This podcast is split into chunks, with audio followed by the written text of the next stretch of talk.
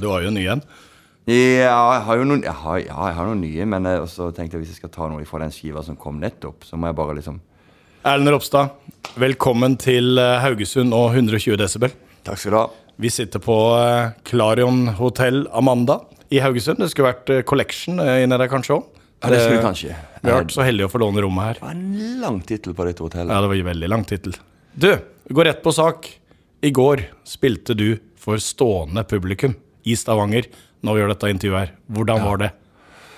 Å, det var så godt. Det var altså nydelig, og jeg ble rett og slett eh, såpass bevega at jeg måtte ta meg inn på siste låta der. Vi spilte, vi spilte den som heter 'I ly for livet'.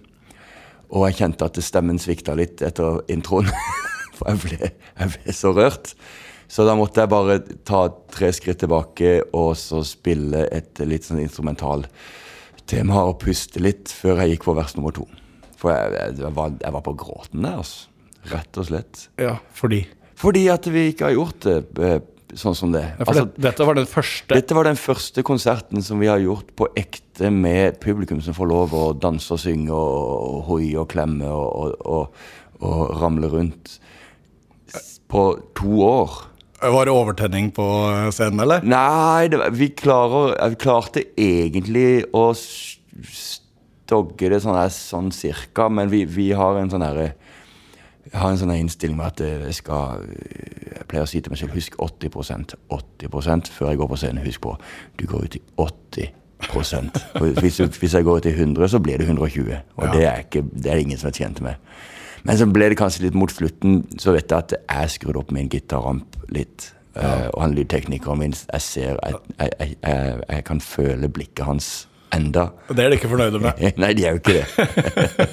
og, og det skjer hver gang. Så jeg prøver å, jeg prøver å fortelle han at i, i det klimaet i bandet nå, hvor han er litt forbanna på at jeg alltid gjør dette mot slutten, så, så, så skaper det en sånn spenning. Og hvis ikke vi har en spenning internt i gruppa, så, så får vi ikke til å lage god kunst. Hvis alt er harmonisk og fryd og glede og peace and love, så, så, så mister vi en sånn brodd som skal til. Og det er bare kødd med han selvsagt. Men det Eh, Bare for sa bandet, Hvem har du med deg i bandet nå? Nå er det, det er Gunnar Sæther som spiller trommer eh, fremdeles. Vi har spilt sammen i 13 år. Eh, så, og så er det Per Tobro som spiller bass. Vi har spilt sammen i, i snart ti år. Uh, Julie Falkevik har vært med i fire, fem, seks år. Uh, og så har vi en ny fyr på gitar som uh, muligens ikke er en helt sånn permanent løsning, for han er egentlig Han har vært produsent på de siste platene mine. Roar Nilsen. Som uh, slutta i The Dogs og ble med oss. Og, eh, Samme som har produsert Skambankt nå, er ikke det? ja, det er ja. det. Han har produsert Skambankt. Og så spiller han litt med Minor Majority. Ja. Og så, så har han blitt med oss på den turneen her, men vi har ikke eh, Det er ikke mener ikke at han er inne på prøve, men er egentlig, det er vel egentlig bare sånn Stillingsbeskrivelsen hans er vel egentlig bare vikar. ja, okay. Sånn sett. Så får vi se hvordan vi gjør det til neste år. For det, jeg har tidligere hatt med Mathias uh, hatt med Mathias Hellberg, Ja. og han uh, har jo en sånn Stavanger-artist som han også spiller med, og, og uh, Jan Ove da, er litt flinkere til å legge disse femårsplanene. Jeg legger mer som femmånedersplaner. Men, men jeg har faktisk fått et, et lyttespørsmål på han, Ja. Helleberg. Og så var linken din til han. Hvordan kom han eh, inn i ditt liv? Nei, eh, Vi har vært kompiser i ti år, kjent hverandre veldig lenge. Og så har jo han hatt mange baller i lufta og en solokarriere. Og eh, det begynte med at han spilte litt support for meg på mine konserter i Oslo, fordi han hadde lyst til å treffe et nytt publikum i Oslo. Og så spilte jeg support for han på hans soloting i Sverige. Og så ble det til at vi liksom eh, spilte mer og mer sammen. Og etter egentlig mange år som eh, kompiser i Oslo, så, så ble han med å, å, å spille gitar. Og det, men det er fem år siden det også nå, sikkert seks år siden kanskje. Jeg husker ikke. Men vi har kjent hverandre veldig lenge. Ja. Jeg jeg har lyst til å gå litt tilbake igjen etter det du sa med å skru på ampen og dette her. For det, Ja. jeg har tenkt litt, jeg har jo sjekka litt på forhånd og sånne ting, og du er egentlig kanskje et veldig godt forbilde for unge, lovende musikere. Og da tenker jeg på at du er ikke så opptatt av at alt er perfekt. Nei. Verken utstyr eller innspilling. Kan du Ja. si litt om det? Ja, nei, jeg syns jo det Jeg, jeg syns på riktig, selv om dette er noe jeg bare kødder med han teknikeren min om, at, at det skal lugge litt, at det skal være litt for høyt og litt stygt og sånn. Ja. Han vil jo gjerne at eh, at det ikke jeg skal kappe huet av de på første rad med diskanten min. Det er jo, det er jo hans, et av hans sånne fanesaker, da. Ingen skal bli drept på første rad av, av min diskant, eller min topp. Så det, at det er en greie. Um, men eh, jeg, jeg har jo ikke for vane å øve spesielt mye, f.eks. Det er jeg egentlig imot. Så Roar, som da er med på gitaren, og han fikk to øvinger. Og, da, og de var på liksom sånn to timer, tre timer kanskje hver. Og så er det ut på veien. Og det, sånn må jeg på en måte ha det. Jeg kan ikke ha det perfekt, at liksom alt skal sitte, og at alt skal liksom være forutsigbart, og det skal låte som på plate. For jeg trenger den der nerven, jeg trenger den der tilstedeværelsen Ja. for at det skal bli bra. Og, at, og så blir det litt mer kantete, men for meg så betyr det at det er mer levende. Men dette gjelder både innspillinger og Men det gjelder eller? livet generelt. Ja, ja, ja, ja, ja. Det, det, det, gjelder både live og det gjelder innspilling. og de, når vi spiller inn mine plater, så, så har jo ikke bandet egentlig fått anledning til å lære seg låta. Nei. Vi bare spiller det inn. Eh, setter jeg ei uke i studio, så spiller vi alt inn. Og det, vi har egentlig ingen sånn preproduksjonsperiode først, sånn som mange har, at låta liksom sitter. Så ofte så, så opplever vi jo når vi da drar på turné med dette materialet, som vi nettopp har gitt ut, så kjenner vi at å ja, det er jo sånn denne låta skal være, eller bør være. Og så kan jeg angre meg litt, da. Men, men samtidig, det er liksom verdt det. For det at det, jeg, jeg, jeg synes at de, de artistene og de platene som jeg setter veldig stor pris på, hvor det er litt sånn kantete og, og sånn sånn, Neil Young sine gitarsoloer er liksom eh, beste eksempelet, kanskje. Hvor det er det, Du kjenner liksom hvordan kjøretøyet krenger hit og dit og smeller i veggen. og Det er surt, og det er faen for en energi det. Og den energien der er på en måte det viktigste, da. Du, du får litt Vi hadde en annen gjest her, Jonas Alaska, som du kjenner. Ja, ja. Uh, Snakka om Bob Dylan-effekten. Han gjorde det samme med, med bandet sitt. Altså, Mm. De visste ikke alltid hva, hva kom nå, og dette var all live. Så du får litt Mm. derre Du må holde deg på tå hev, da. Ja, du kan ikke Det er ingen sånn der eh, flyt eh, Eller jo, det er det jo, men det er mer på, det er mer på den der live-energien som vi nå får. Vi kommer jo over på Sånn som i går, så merker vi at det, nå er det bra. Nå kan Ja. vi bare bli her. Og så, så er det jo å skape en sånn her eh, En sånn felles eh, Hva skal vi si En sånn bølge som vi alle sammen kan surfe på. Og vi fikk det til flere ganger i går. at eh, Spesielt på en låt som heter Lenge, lenge, lenge, så var det sånn her åh, nå. Her er gyngen. Dette Jeg kan se bort på Per, som er en sånn shoegazer-dude som spiller bass. Som vanligvis bare har hår ned i ansiktet, så står han og ser på føttene sine. Men når, når jeg får blikkontakten hans, og han liksom gir meg et litt sånn der skjevt spill Ja, ja jeg vet, nå er det, nå er det bra. så det, det er en veldig digg følelse, da. Men, men du er litt det samme altså Snakk om ungdom, og du er Mm. litt det samme i forhold til utstyr. Du har ikke gitarer til 50 000, du? Jeg har jo ikke det. Nei. Eller jeg, Fordi? ja, nei, jeg, fordi jeg, jeg tror ikke publikum hadde merka noen forskjell om han kosta 5000 eller 50 000. Jeg har, men jeg, jeg har trukket meg litt grann på det, eller jeg har endra litt grann på det. For å være helt, hvis jeg skal, hvis jeg skal være helt dønn ærlig nå. Det, Er du, mer, er du mer forsiktig med det nå? nei, det er jeg ikke. Nei, det er ikke. Jeg har, eh, jeg har liksom Hovedgitaren min er en sånn gammel Guild som jeg spiller på nå. Som er en fra sånn tidlig 70-tall. Men eh, den er jo, det er jo ingen dyr gitar. Jo under 10 000 når jeg kjøpte den eh, på eBay for noen år tilbake. Det er min hoved. Og så er det Epiphone-gitarer da, som jeg ofte spiller på. Som er litt sånn uglesett og, og, og pissa på merket fordi folk tror det er billigvarianten av Gibson. Men da kan de kanskje ikke historien helt. Så jeg syns det er litt gøy å spille på underdog-gitarer. Ja, men Der kan du gå inn på YouTube, og Mm. så ser du en del dyktige gitarister som sammenligner Gibson og Epiphone. Mm. Og så Ei, jeg merker ikke noe særlig forskjell her. Ja, ja, ja. Men Epiphone, de, de tradisjonelle Epiphone-gitarene som er amerikanskprodusert på 60-tallet. Casino-modellen og Riviera-modellen og disse gitarene her. Nå blir vi veldig Ja, smart. veldig er dette Ja, en sånn, er Nei dette en da, sånn det- blogg? men- men- nei, men du kan få lov å snakke litt om det. Er det en sånn podkast? Nei, vi, de, er, de er jo originale eh, Epiphone-type gitarer som ikke Gibson har lagd, egentlig. Mm. De har lagd noe tilsvarende, da, så i en ES335 og en ES330.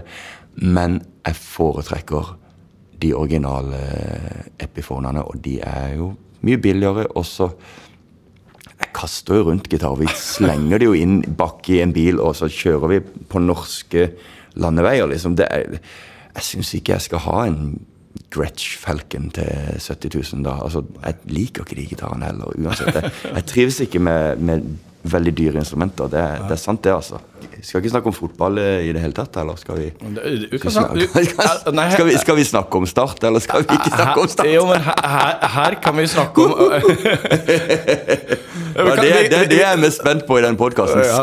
Kommer vi til å ta det liksom- men nå har du tatt opp, så da, da, kan vi snakke om, da kan vi snakke om start. Hvor mye, hvor mye følger du med der? Nei, nå er, det, nå er det ikke så mye. Jeg må innrømme at nå jeg litt, blir jeg litt sånn Litt motløs. Okay. Jeg har vært litt motløs. Er du medgangssupporter? Ja, men Jo, men eller, Er man det? Hvis jeg bare blir litt sånn sur og irritert når det går dårlig, og så blir jeg litt sånn motløs og gir de litt opp Det er jo en slags det er, Jeg følger jo bare med i, i på en måte berg-og-dal-banen eh, som dette følelseslivet eh, blir, da, når man da eh, skal ha et lag som Start. Nei, så lenge du følger med på kampene, så er det jo Jeg følger litt med, får inn noen resultater iblant, men jeg ser Ja. at når det er sånn Å ja, jeg fikk de banka Fredrikstad, ja. ja. Nei, men da Faen, det gidder jeg ikke. Det jeg gidder ikke. Og så plutselig vinner de en kamp. Så de har vært, de har vært litt sånn 50-50 i år. Ja. Litt sånn eh, av og på-lag. Mm. Eh, men gode gud, for noen sesonger vi har hatt det i siste. Altså, det har vært mye mørkt. Satser på at det snur. Ja, vi satser på at det snur. Men uh, siden du sier Spilte du fotball sjøl? Ja, jeg, litt grann, jeg, jeg hadde På Vindbjart, eller? Jeg hadde en bitte liten kort keeperkarriere. Ja, du hadde det. Du var i høyden. Du var, den, du var i høyden som Jeg hadde det. Jeg hadde det, men så var det en Det var på guttenivå, liksom, når vi var sånn Ja. 13. Ja. Da Før liksom junioråret begynte å bli litt sånn alvor. Men så var det en uh, av trenerne der som, uh, som hadde en sønn som, eh, som eh, hadde keeperambisjoner. Mm. Og da fikk ikke jeg spille. Og jeg tror jeg hadde et mye større talent enn han. men han Men, men jeg, har, jeg ble rett og slett eh, eh, forvist til en litt sånn ukomfortabel eh, forsvarsposisjon i stedet. Men, men, Mens jeg egentlig hadde lyst til å være keeper. men det du driver med Du Mm. løper, Har du løpt i dag, forresten? Ikke i dag. Men, men du løper mye. Ja Hva, hva gir det deg? Jeg er det, det er mest sånn der mentalhelseeffekt, tror jeg, altså. Den løpinga mi. Jeg løper ikke sånn ko-ko mye, men jeg løper sånn 20-25 km kanskje i uka. Mhm. Um, Stenger du ute musikk da, eller Ja, ja, ja. tenker du musikk? Nei. uh, nei, da, da stenger jeg ute alt. Det er det som er greia. At jeg nullstiller hjernen, for jeg har veldig mye musikk som surrer og går opp i huet. Ja, for du har ingenting på øret, du, da? da Nei, ingenting på øret. Nei. Og så har jeg fire barn og en litt sånn hektisk, hektisk liv. Med all den musikken og alt det skal, som skal skrives og alt dette som skal spilles inn, og det skal finansieres og det skal rapporteres, og det skal Jeg har møter med plateselskaper, med management og med booking og med alt dette som, som jo Vi prøver å være litt mer som Jan Ove holdt jeg på å si, å planlegge litt lenger ja, enn jeg har gjort før. da, Og nå har jeg et litt større apparat enn jeg har hatt tidligere. Ja. Så det er ganske mye styr på jobb, pluss kids som skal på trening osv. Og, så videre, og, så og da er det helt eh, nødvendig for meg å ha den der egentida, og da løper jeg ofte litt sånn enten langt og sakte, eller at jeg legger inn noen sånn kjappe, kortere turer.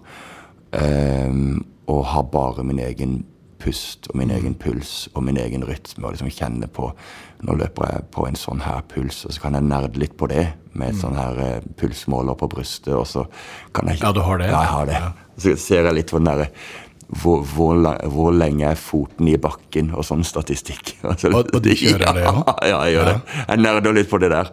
Og så, og så, så kjenner jeg bare på liksom, ok, nå løper jeg på sånn greier, grei 150 puls, og tempoet er sånn, og så skal jeg, skal jeg bare holde det liksom i en time. Men Det- det- ja, ja. Og det, og det For meg så er det en, en nydelig sånn meditativ eh, øvelse, da. Men når du er ute og løper, da, Mm. og du ser en hund Da veit jeg at du har noe Jeg har litt inside her nå. Du har litt Har du insight på meg? Ja, altså hva, hva, Når du ser en hund Ja. Det hender at det, du ilegger den noen, eh, noen kvaliteter, noen eh, Ja. stemmer Å, herregud! Hva skjer? Ja, Ja. det må jeg føre litt litt om. Jeg kan bare ta, se, Vent, nå skal du se. Jesus. Så her har jeg to bilder. Altså Det kan jo ikke folk se gjennom podkasten, men eh, Nei. Skal vi se. Oh, oh my god. Se der, ja. ja en eh, veldig smilende hund. Ja. Hva ville den hunden sagt? Har du sett Se hva jeg kan, se hva jeg kan! Se hva jeg kan, se, se, se, se hva jeg kan! Se hva jeg kan, Skal du se hva jeg kan? Se, se, se nå, se nå, se nå, se nå, se nå, se nå, se nå, hopp! Og så, og så, har du søskenbarnet her. En ny hund. Ja, ingen som vil kose med meg. Ja, jeg sitter her, det er ingen som koser meg med så derfor blir det at sånn kjedelig. Det er kjedelig, hele livet blir forferdelig kjedelig. Jeg synes alt er grått og trist. Det er ingen som koser meg med meg. Jeg skal, jeg skal, nå gir jeg dem det blikket der, og så kanskje de kommer og koser meg med, men det er ingen som kommer og koser meg, så bare sitter jeg her. Men, men du gjør dette? du- Jeg gjør dette. Hva er det som pokker? Jeg vet jo. Det er bare én person som vet at jeg gjør dette. Ja. Jesus! Og så er det en observasjoner der om at uh, hundeeierne de uh, ligner på hundene sine. Den har du Det er jo veldig gøy, men det ser jo alle. Altså, det er jo noe, det, jeg vet ikke om det, det er sånn høna og egg-situasjon, tror jeg. Uh, At eh, folk får seg hunder som ligner Ja. seg sjøl, for det første. Men jeg tror også at eierne blir ligner mer og mer den hunden som de da skaffer seg. Jeg tror det er en sånn metamorfose, eller hva det heter. At liksom, både utseendet til begge to blir mer og mer likt. da. Etter, etter hvert som de bonder og har bodd sammen i noen år, så, så, blir, så, blir det, så ligner de mer og mer. Jeg må jo si at det er, det er kona di Ja, som har, eh, har kommet med den infoen her. Det Men det der er, er bra research, altså. nei, Jeg, har- jeg syns det er veldig gøy når vi er ute og går, og så er jeg veldig glad i hunder. Jeg, Mm. for jeg har jo eh, gitt ut ei bikkjeskive nå til og med, men jeg, jeg er veldig sånn Jeg er veldig glad i hunder. for da har en hund på, ja, Ja. på skiva, og det, du hadde en hund sjøl som Ja, jeg har det. Jeg hadde det. Jeg har hatt uh, hund uh, jeg, har hatt lyst på hund jeg, i hele mitt liv. Um, så når jeg vokste opp, så var det veldig sånn at jeg gikk tur med alle, alle hunder i nabolaget og liksom eh, spurte om hvem som trengte og at jeg lufta de og gikk tur og passa de osv. Meldte meg veldig kjapt på der. Uh, men ingen i min familie syntes at det var verdt alt styret og strevet det å ha hund, så det fikk jeg aldri. Men eh, meg og Jonna, da, kona mi, vi flytta til et sted i Oslo eh, som heter Malerhaugen, hvor vi hadde en sånn kjempestor hage som var inngjerda med en balkong med en trapp ned til den hagen.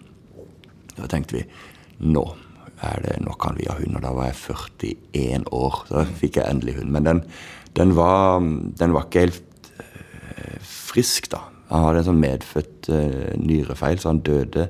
Måtte avlive han etter ni måneder. En sånn valp. Sånn Avlive en valp, det var, Det det var ganske mørkt. tøffe, tøffe greier, det. Ja, det var tøft. Jeg hadde en sånn heavy sorgreaksjon på det, altså. Og så øh, gikk det halvannet år, og så tenkte jeg ja, men vi er jo en familie som skal ha hund. Det er jo helt åpenbart. Um, og så skulle jeg inn i en sånn periode som jeg er inne i nå, egentlig, hvor er mye på turné. Og så allierte vi oss med noen kolleger av Jonna som også hadde lyst på hund, men ikke helt turte. Og så sa de til når jeg er på turné, så skal de ha hunden. Så vi hadde et sånn avlastningshjem. Så da fikk vi en ny. Eh, som jeg ikke greide å bonde med. Nei, okay. eh, for jeg var ikke ferdig med, Nei, du var- du var jeg var ikke ferdig med. Ringo. Så jeg ble liksom bare sånn Ah, du er ikke Ringo, er du vel? Jeg, jeg, bare, jeg greide ikke å koble meg på. Det var, det var liksom som å bare bytte ut eh, et av barna eh, mine. Altså det, jeg, jeg klarte det ikke.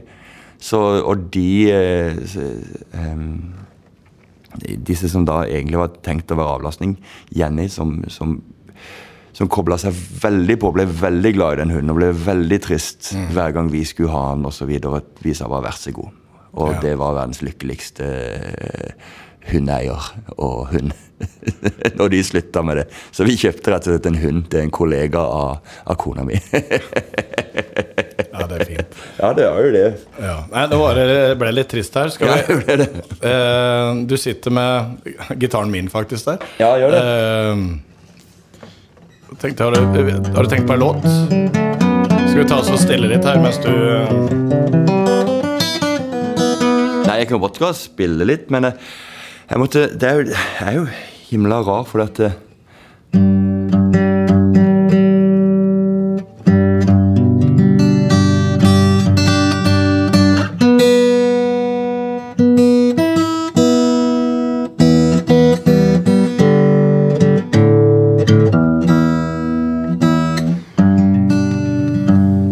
måtte sjekke på eh, Når du spurte om jeg ville spille en låt, måtte Ja. så får jeg sånn derre Hvilke sanger er det jeg har igjen nå, som er, som er mine sanger, som jeg kan spille? Det var, det var helt merkelig. sånn der Jernteppe. Så Jeg, skal se, jeg har jo skrevet, jeg har gitt ut nesten ti album, så det har jeg jo noen å ta der. Og så Jeg kan jo ta en ifra bikkjeskiva.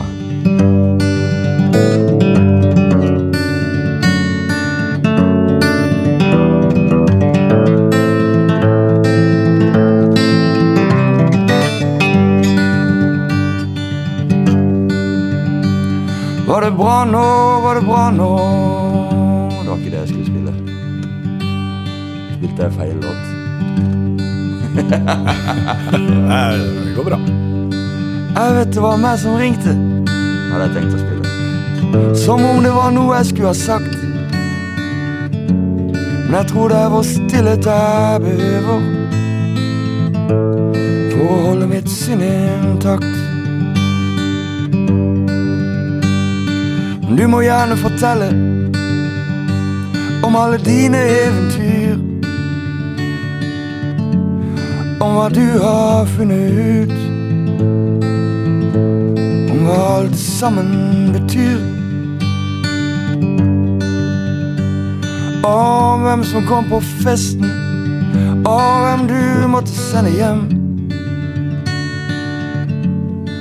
Jeg ble aldri en sånn,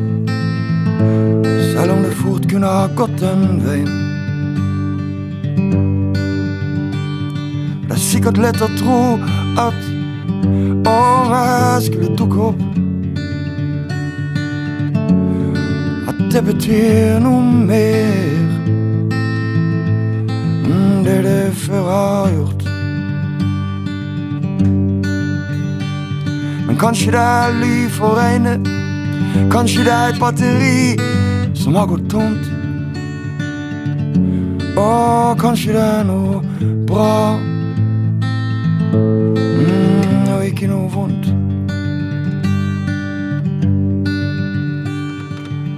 Jeg har blitt så mye eldre. Jeg har fått grå hår. Jeg har barn som ikke er barn lenger. Det kunne jeg ha fortalt deg om.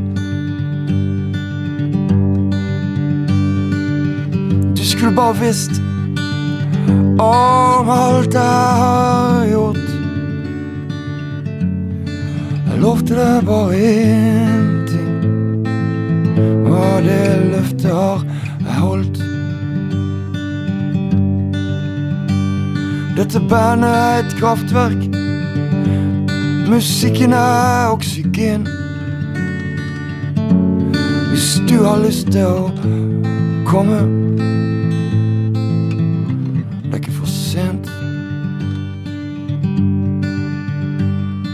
Så lenge vi holder himmelen her nede et sted. Nå skal jeg være stille. Nå skal jeg gi deg fred.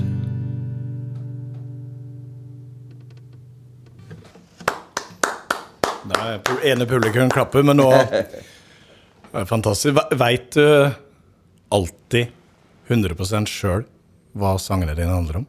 Nei. Mm, nei ja. Det er et godt spørsmål. Folk pleier, pleier som regel å, å liksom grave i om, det, om, alt er selvbiografisk, men om jeg vet helt hva det handler om Nei, det gjør jeg jo ikke alltid. Lar du det henge litt der for deg sjøl, tenker jeg? Ja, ja, ja, det gjør jeg jo. Og så er jo det Jeg, jeg prøver liksom å Uten at det skal liksom Forsøker ikke eh, låte helt sånn superpretensiøst her nå, men jeg, jeg har lyst å, å liksom strekke litt i det som er eh, sjangeren norsk tekst på en rockelåt, hvis du skjønner hva jeg mener. Lyst til å rive litt i, i konstruksjonene og ramma der. Og så, og så, få den boksen til å bli litt videre. Og, og, og da lener jeg meg ofte mye på uh, lyrikk, altså ting som er skrevet. Mm. Og som ikke kanskje fungerer så bra med melodi, men altså ting som, poesi som jeg kan lese.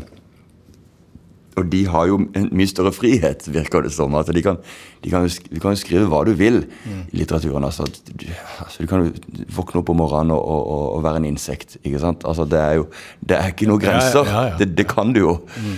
Det, mens eh, hvis jeg gjør det i, en sånn, i rockeformatet mitt, så, så, kan det bli sett på som litt sånn, litt sånn pretensiøst, eller at det kan bli litt sånn her eh, All right, jeg, jeg, jeg vil det, det fins noen sånne regler. Men hvis jeg da skriver f.eks.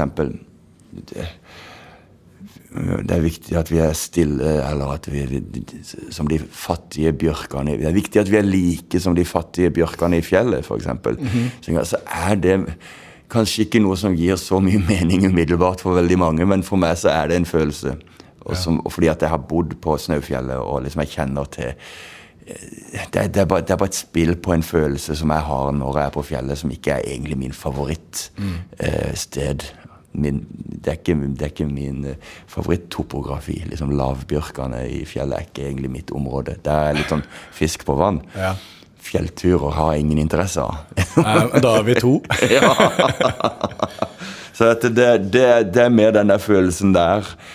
Så så det hender at jeg skriver sånne ting, og så, så, gir det gjenklang hos noen, og så hos andre ikke. Akkurat sånn som det skal være, tenker jeg.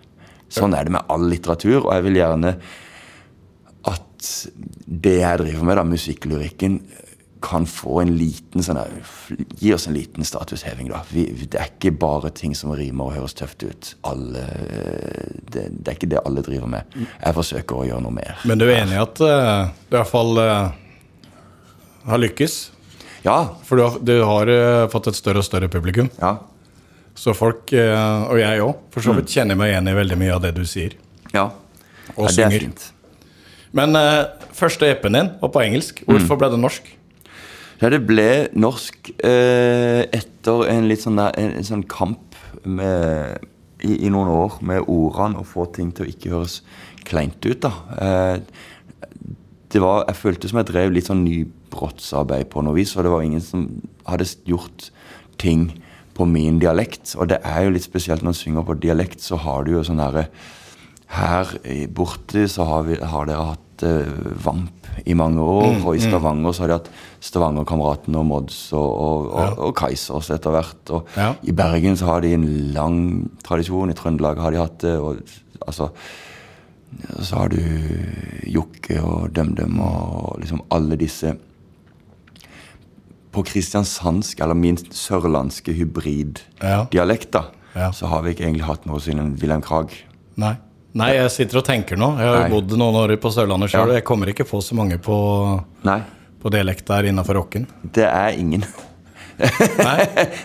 Men det som var på en måte nøkkelen, og som en av grunnene til at jeg har blitt sammenligna mye med Uh, svenske artister, og som mm. er helt det med rette, mm. er jo fordi jeg fikk meg svensk uh, kone. Og vi ble sammen for tolv år siden nå. Jeg husker ikke helt hvor lenge siden det er. Mm. Men det er, en stund, uh, det er en stund siden nå, og da begynte hun å introdusere um, svenske artister for meg. Ja. sånn som at uh, Ebba Grønn ja, og, og, og ja. Tåstrøm, uh, Elkvarn, Lars Winnerbäck. Ja.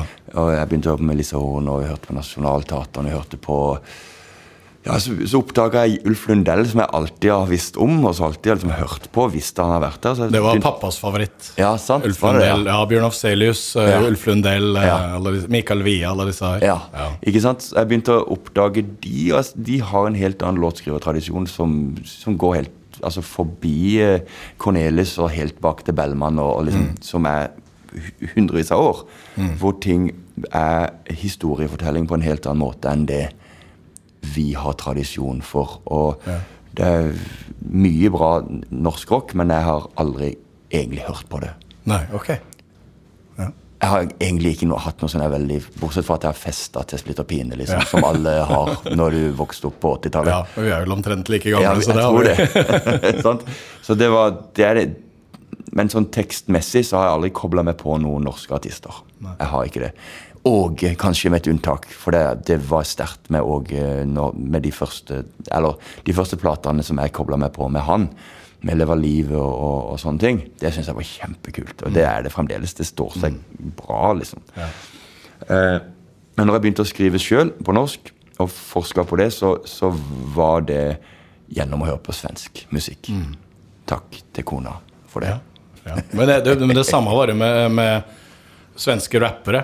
Altså, Ja. De var mye tidligere ute i Sverige å rappe på svensk enn i Norge. Det kom litt etter der òg. Det var litt Ja, den samme effekten der. Ja, men de, ja, ikke sant. Det har jeg ikke tenkt Med. Petter og dette Yes. greiene her. Men de er jo generelt bedre enn oss alltid vært det. På pop og rock. Ja, men Så snakka vi litt i forkant. Jeg tror de er flinkere på til å få det på lufta på radio og sånn òg. Altså. Ja, det kan være. Eh, At de dyrker med det der. Men nå, nå satt du med gitaren min og spilte her. I går spilte du med fullt band. Og du har vært på soloturné. Jeg så deg sist du var her i Haugesund. Ja. Forskjellen der. Ja, det er en, bare en helt annen uh, gren. holdt En helt annen sportsgren eh, på en måte. For det er, er jo Jeg foretrekker jo uh, øspøs og rock'n'roll og det der, for det er veldig gøy. Ja. I hvert fall nå som ikke vi har fått lov å gjøre det på et par år. Men Ja. Det er jo det som er på en måte uttrykket mitt, og det er sånn jeg skriver låtene, og det er sånn jeg har tenkt at det skal låte. Men jeg merker jo at når jeg stripper ned og bare har et piano eller en akustisk gitar, så får jeg en kontakt med publikum som er, som er en annen kontakt med publikum.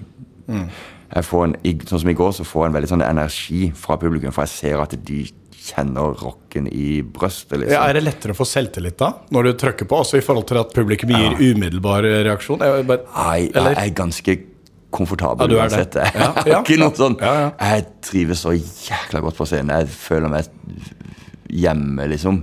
Det er mitt sted i Ja. livet hvor jeg føler at jeg er på plass. At, det, at det er, dette er min Dette er mitt sted i verden. Mm. Så det er egentlig greit. Men jeg har jo en mulighet når jeg er alene til å formidle tekster og formidle historier og koble meg på folk Mm. på en annen måte, da. Hvor jeg kan høre at jeg kan liksom Den stillheten der kan jeg også bruke til noe. Når publikum sitter stille og bare lytter, så kan jeg på en måte eh, gjøre dynamiske ting Ja. for å, å, å, å få de med opp og få de med ned. Og få, ja. jeg kan, jeg kan, kan påvirke mm, litt mer sånn fint følende dynamisk, da. Som scene, sånn, rent sceneteknisk.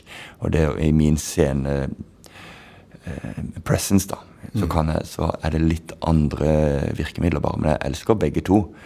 Men låtene er jo skrevet for bandet. Ja. Men jeg syns jo det funka utrolig godt i begge tapninger. Ja. Men nå har vi snakka litt. eh, nå skal jeg kanskje bevege meg på tynn is her, men jeg skal prøve. All right, kjør.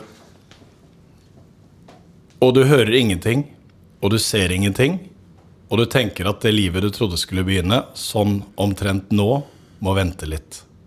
Og det er en vanskelig ting å si til et liv, at det må vente, men det er det du sier. Kunne dette vært noe du hadde skrevet? Kjenner du det igjen? Nei. Hvis jeg sier Nils Øyvind Å Oh, ja, det er Nils Øyvind. Ja, da var det det jeg trodde. jeg, jeg, når, når jeg leser dette her, Ja. så, så ser jeg litt paralleller. Ja. Eh, kan ikke du fortelle litt om det samarbeidet? For det, dette var rett Ja. før koronaen. eh, Ja, det var i det dere vi, vi satt, hadde forestilling på ja, vi hadde en forestilling på Nationaltheatret. Med Osa, Sæter, eh, Bakker, Ja. eh, Trond Espen Seim, som er en kompis av deg. Ja, ja. Ja. Ja, vi, ble, vi har blitt gode venner, eh, og hele den gjengen. And Andrine og Anders til Andersen, som hadde regi og sånn. Så vi Det var Anders eh, til Andersen som hadde en idé. Han hadde vel egentlig fått i oppgave av eh, Nationaltheatret, eller en forespørsel fra Nationaltheatret, om han kunne sette opp noe med noe Bjørneboe-materiale. Eh, For det var et sånt Bjørneboe-år, og så sier han Nei, vet du hva, hvis jeg skal gjøre noe hos dere nå, så vil jeg ha nålevende kunstnere, folk som skriver ting i samtiden, i dag, nå. Jeg vil ha med Nils Øyvind Haagensen og Erlend Ropstad.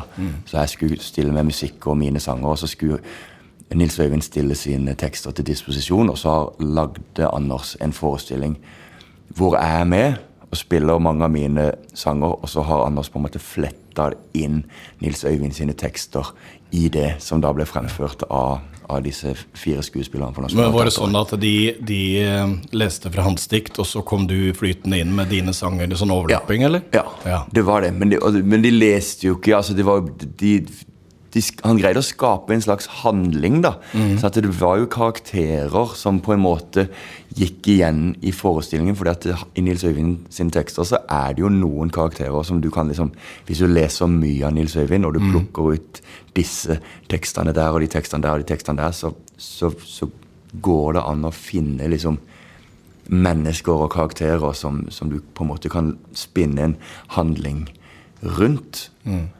Eh, og så var noen av mine tekster også veldig sånn kompatible til de, den samme handlingen og samme dramaturgien. da. Så det, ble, det var jækla gøy. Det var jeg, jeg, Fremdeles er det litt sånn her Jeg, jeg kløyp meg jo i armen når jeg fikk min egen garderobe med mitt navn på nede på Nationaltheatret. Ja. Med sånn et speil med sånne lyspærer Ja, sånne rundt- rundt Og satt speil. der Herregud, hva skjedde nå? Men, men så har jeg hørt at du òg fant ut en annen ting som er litt på sida av deg, men du fant ut at det er forskjell på Forskjell på uh, musikkartister og skuespillere når det gjelder det å drikke øl før og etter. Ja, det jo ja. Har du hørt om det? Ja. Nei, for jeg sa jo til Trond Espen at Har du prata med han? Nei. Jo. Har du prata med Trond Espen? Det er vittig. Jeg, se, jeg gikk rundt på hotellet her i stad og jeg skal vedde på det bildet av han her. Ja, ja, ja. En annen plass er det sånne Varg Veum-plakat. Da, skal jeg- da, skal jeg- da skal jeg sende det. Skal jeg ta en selfie og så se, se hvem jeg traff. Nei, det er faen meg gøy. Har du prata med han? han? Jeg ble jo litt sånn overraska når vi var liksom backstage. Ja. Og så var det jo ikke det, det, Vi pleier jo liksom å ha en flaske hvitvin og, og noen pils i, i, i kjøleskapet. Før, og det er jo standard. Ikke det at jeg, jeg pleier ikke å drikke fire pils før jeg går på scenen, men Nei. et glass hvitvin eller to, Ja, ja. liksom. Ja. Og for å få en liten sånn her avrunding. Ja, liksom Ron, Ronny Tekerud TNT sa én pils før du går på scenen. Ja, jeg er helt enig med Ronny Tekerud der. Så jeg synes den, den der lille den der av, den som tar litt Som bare setter litt sånn god stemning på et vis. Jeg, jeg er glad i den da, før jeg går på. Og så jeg, jeg steila litt. Det var helt uhørt på teateret. Det var det, Er du gal? Liksom. Så jeg tok det opp med produsenten. Seriøst, har det Det fins Det er ikke noe Det er ikke det, det har ikke et kjøleskap engang her. Sånn, jo, det er kanskje etter premieren, da, så vi, vi kan hente noe champagne. Sånn, Å, ja, etterpå? Liksom.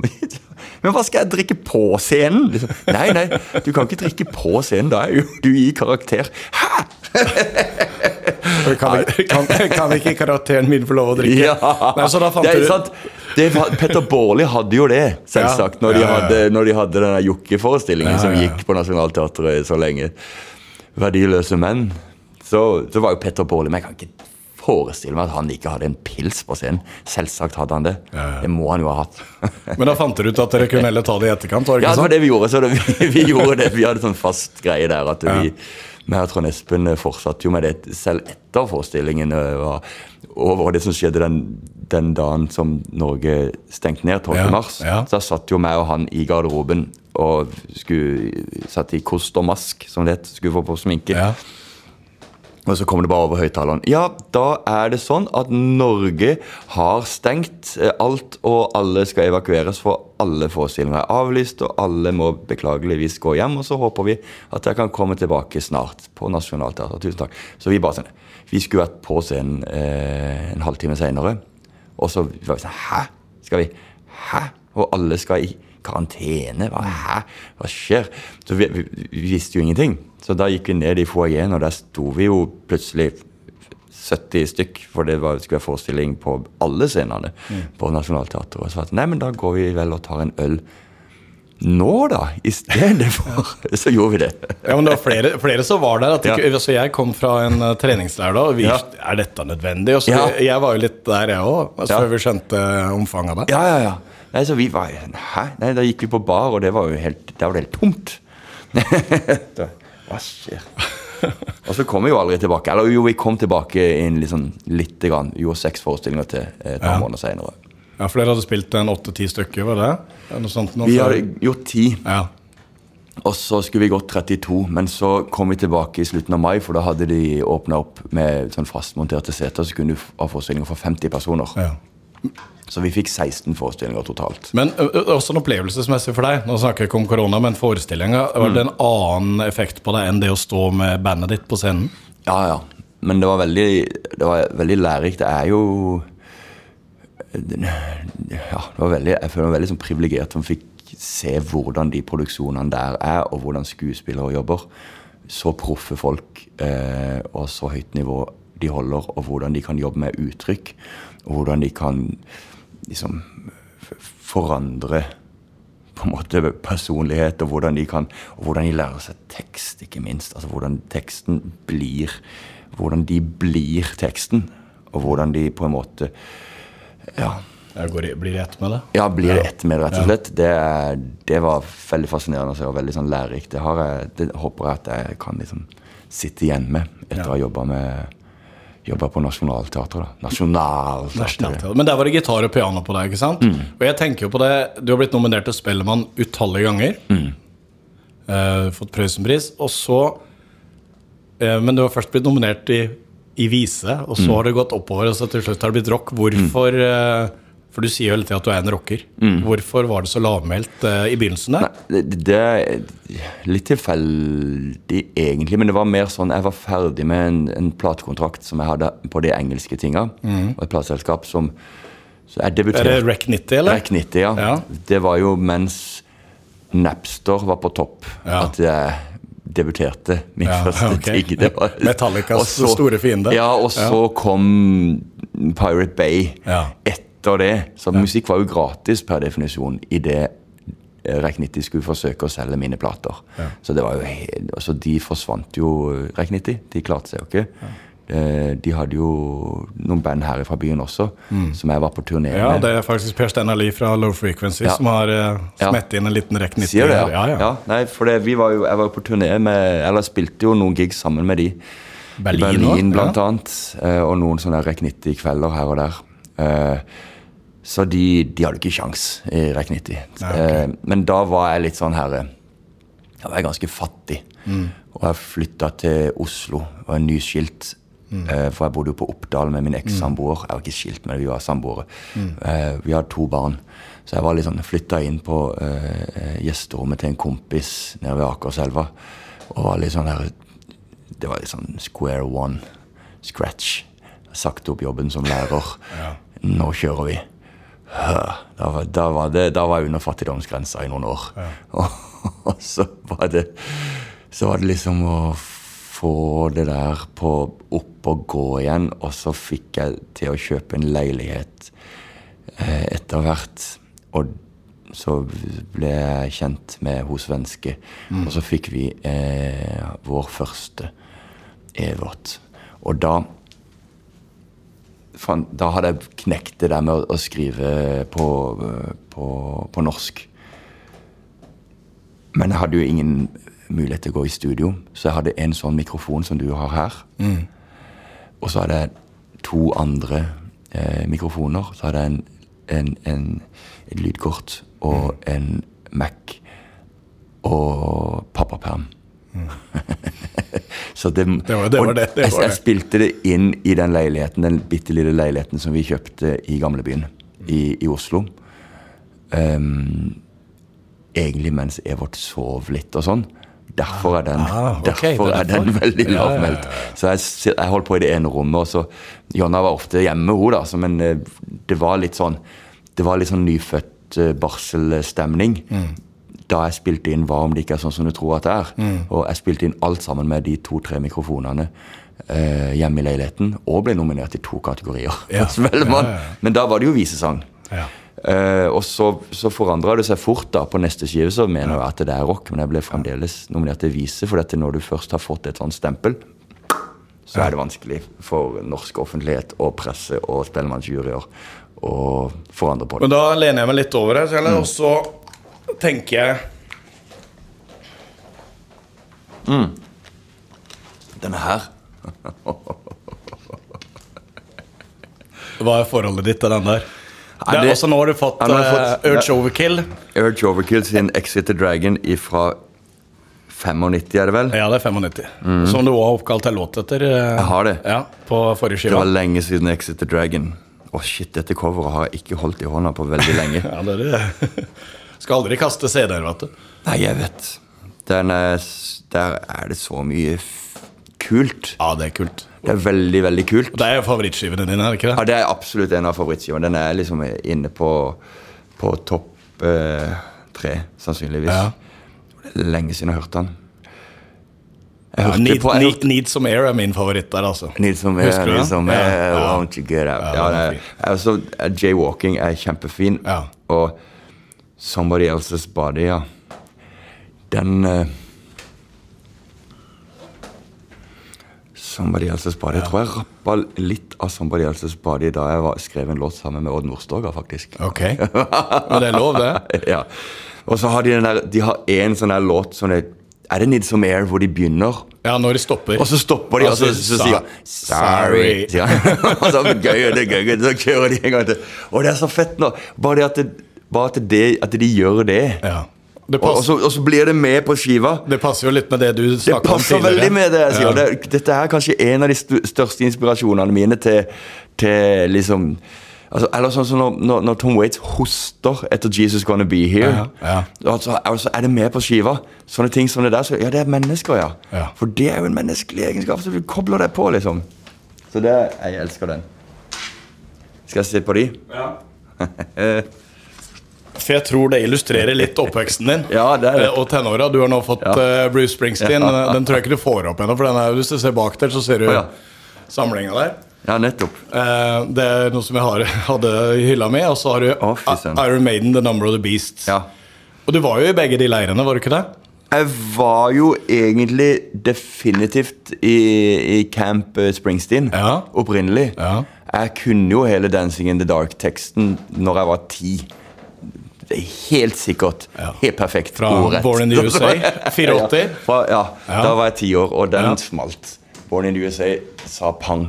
Den, den følte jeg, og jeg, jeg, jeg kobla meg på tekstene. Liksom, det var det jeg kobla meg på tekstene. Det var hardt å høre om liksom, Vietnam-veteranen og broren og liksom alt skjønte, skjønte du alt, da? Absolutt. Jeg, det? Jeg, jeg har et bilde i dag i hvert fall om at jeg skjønte det. Mm. Og jeg, jeg, jeg tror kanskje jeg gjorde det, altså. For jeg, har, og det var på en måte min introduksjon til å gå djupt inn i tekst til alle låter Ja. som jeg da skal like i all ettertid. Hvis du skal inn her, og jeg skal synes at det er bra, Ja. så må du tåle Born in the USA-testen, liksom. Som jeg, som jeg satte allerede som tiåring. Så det er, det er veldig mye musikk som jeg ikke orker å forholde meg til, fordi at jeg syns det skal melde noe, da. Men jeg var ganske ensom i den der eh, Jeg var den ensomme i skolegården med Ja. The Boss-ryggmerke på dongerijakka. Og flere og flere Ja, på og flere. og flere. Ja, på, I Vennesla så var Ja. det Det er i Vennesla. Ja, ja. Ja, sorry. flere og flere som Som, eh, som hadde Iron Maiden. Ja. Eh, ryggmerker og ACDC, og så kom det Metallica. Og så Du var vel på Twisted Sister òg, ikke det? Jo, jeg var inne Ja. på Twisted Sister også. Det Det var vel alle på den tida. Jeg hadde, jeg hadde par, jeg hadde et par kassetter med de som jeg bytta i en sykkel, og så bytta jeg tilbake igjen. Og så Nei, det var en lang historie. Ja, men, jo, men, det, det, er litt interessant også. Du, du, var gira tidlig. Du spilte gitar tidlig. Jeg gjorde det. det dette har du prata om før men mm. hvorfor hørte vi da om deg såpass seint eh, som artist? Fordi jeg var jo ikke artist i 20-åra mine. Nei. Jeg drev ikke med det, da. Jeg, holdt, jeg studerte uh, i Bergen. Eller jeg, jeg, var, jeg, var, på universitetet i Bergen, ja. får jeg heller si. Når var du der? Eh, midt på 90-tallet. 95 til 98. Ja, samtidig, da. Ja, sier du det? Ja, ja, Var du der da? Ja, jeg var det. Sto ikke du i mål da? nede i Nei, da sto jeg i mål i uh, Fyllingen og gikk på uh, historisk fakultet på Sier du det, ja? Ja, ja. Yes. I Bergen.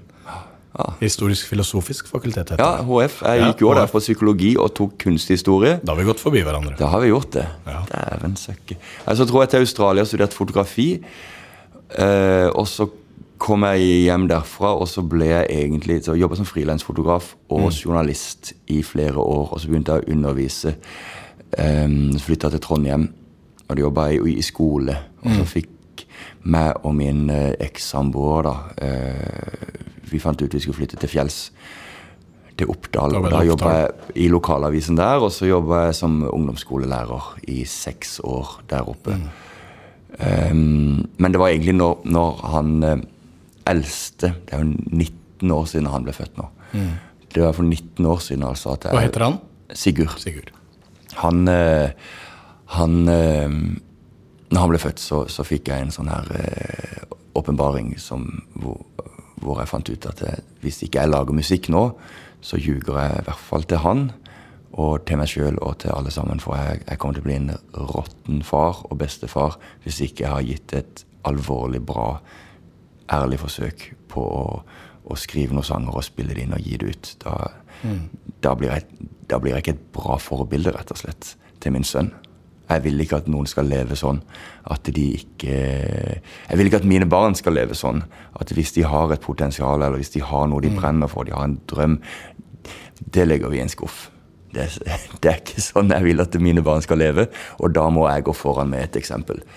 Så derfor satsa jeg plutselig ja, ja, du, veldig mye. Men, men, du spilte jo. Jeg vet, jeg har jo gjort såpass research ja. at jeg vet du, du kjørte Henriks i kjellerstua. Og du, det gjorde jeg. Og du, og du var ung, så hva, ja. hva var grunnen På, på videregående. Hva så, var grunnen til at ikke det fortsatte? Nei, jeg liksom? stoppa fordi det var egentlig ikke kultur der jeg kom fra, for å anerkjenne det å satse på musikk som en som en seriøs, et seriøst veivalg. I familien, eller? I familien, I familien og ja. i miljøet, liksom i Vennesla. Ja, okay. Jeg følte ikke det var Det var ikke backing for sånne som meg, og følte jeg, da. Mm. Det var det sikkert, men det er jo en sånn, som, sånn begrensning, for jeg var øh, litt sånn introvert type, kanskje, og, og, likte egentlig å være mest for meg sjøl.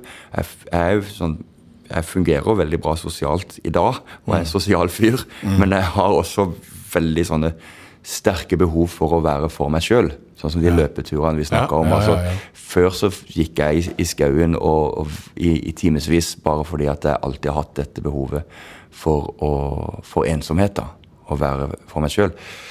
Men eh, eh det ble, jeg, jeg, så ikke på det som en, en eh, et, et, ansvarlig veivalg, da. Nei, fikk, du, fikk, du samvitt, fikk, du, dårlig samvittighet? Altså, ja, det var for, for at det, du tenkte Du hadde sikkert lyst, men ja. jeg hadde lyst, og, og når jeg sto der som tiåring og lærte meg 'Dancing in the Dark', så, så gleda jeg meg bare til den dagen jeg skulle stå på en stor scene og spille for 10 000 mennesker på en slette. Det, jeg, jeg gleda meg. Jeg visste at det kom til å skje. Det var ikke bare sånn en drøm jeg hadde. Sånn, Gud, så gøy det skal bli, tenkte jeg det kommer til å skje. liksom. Var, jeg hadde, var helt overbevist om at en dag så står jeg der.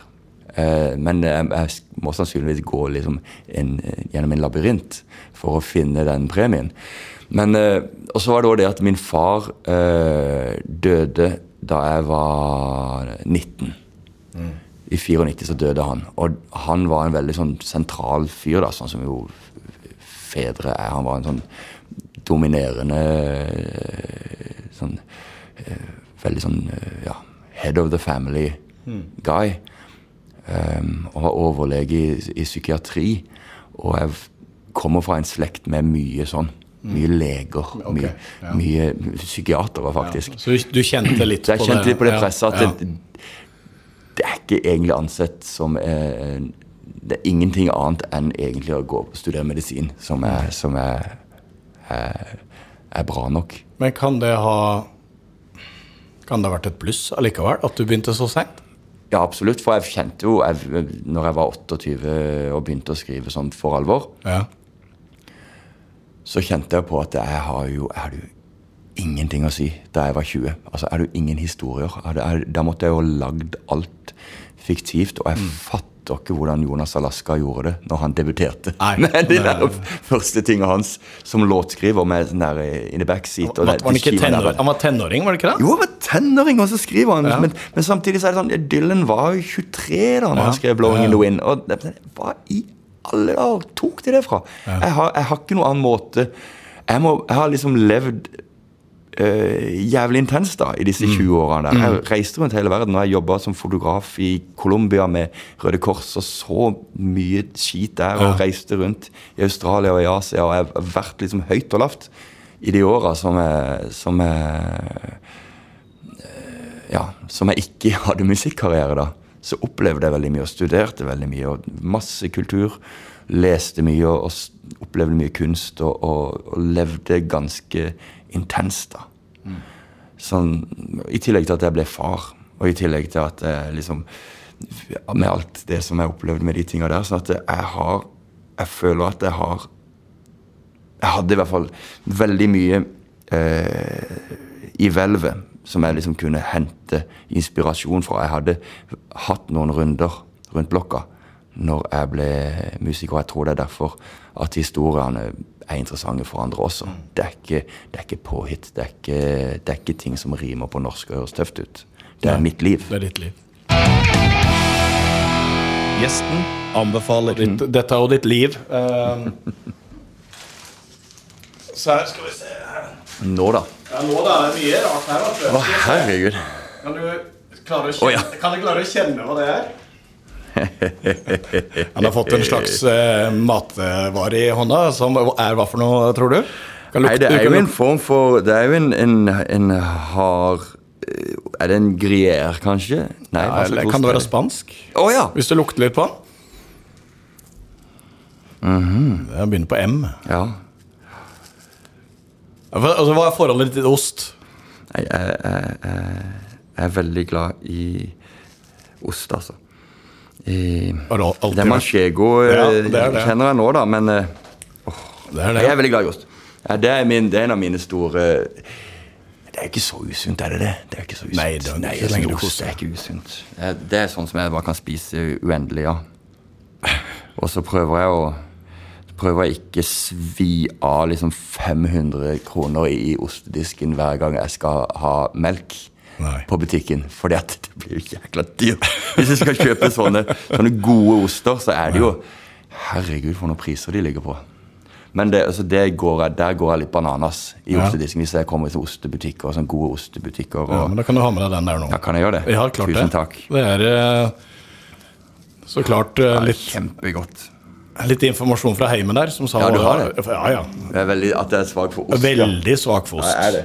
Det er, er Ja. Og det er Det er jo rådyrt, da.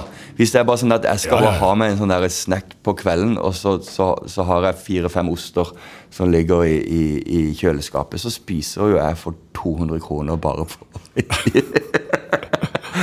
Ja, det, Men, eh, men eh, det er bedre enn eh, drugs, tenker jeg. ja, når den osten er Jeg er glad i sånn halloumi òg, jeg, vet du. Ja. steike. Er Ja, det er kjempegodt. Det er det. Det er farlig godt. Så der begynner jeg å se på, se på kroppen min, men ok. Ja, jeg fikk en melding fra Hilde om at jeg skulle ta med en anbefaling. Ja, men Du kan jo anbefale en ost, da. Hva, hva, hva, hva, er favorittosten? Nei, eh, akkurat nå så er det Jeg har kjøpt litt sånn der um, sånn sota chèvre, syns jeg er godt nå. Sånn geitost, hvit geitost. det Ja, synes jeg det, det er sånn som det er litt sånn sting i, og som smaker litt sånn Litt mm, Ja, mye mer Ja. enn eh, en de fleste andre. Så skje- Chèvre. Men du skal fra chèvre til å spise er det indisk, eller? Ja, jeg tror det er indisk. Det blir indisk, og så skal du på lydprøver. Erlend Ropstad, tusen hjertelig takk for at du ville stikke innom 120 desibel. Ja, bare dødshyggelig. Bra vi fikk det til. Ja, og så gleder jeg meg til å Jeg skal på konserten, så jeg gleder meg veldig til det. Fett. Da ses vi. Det gjør vi.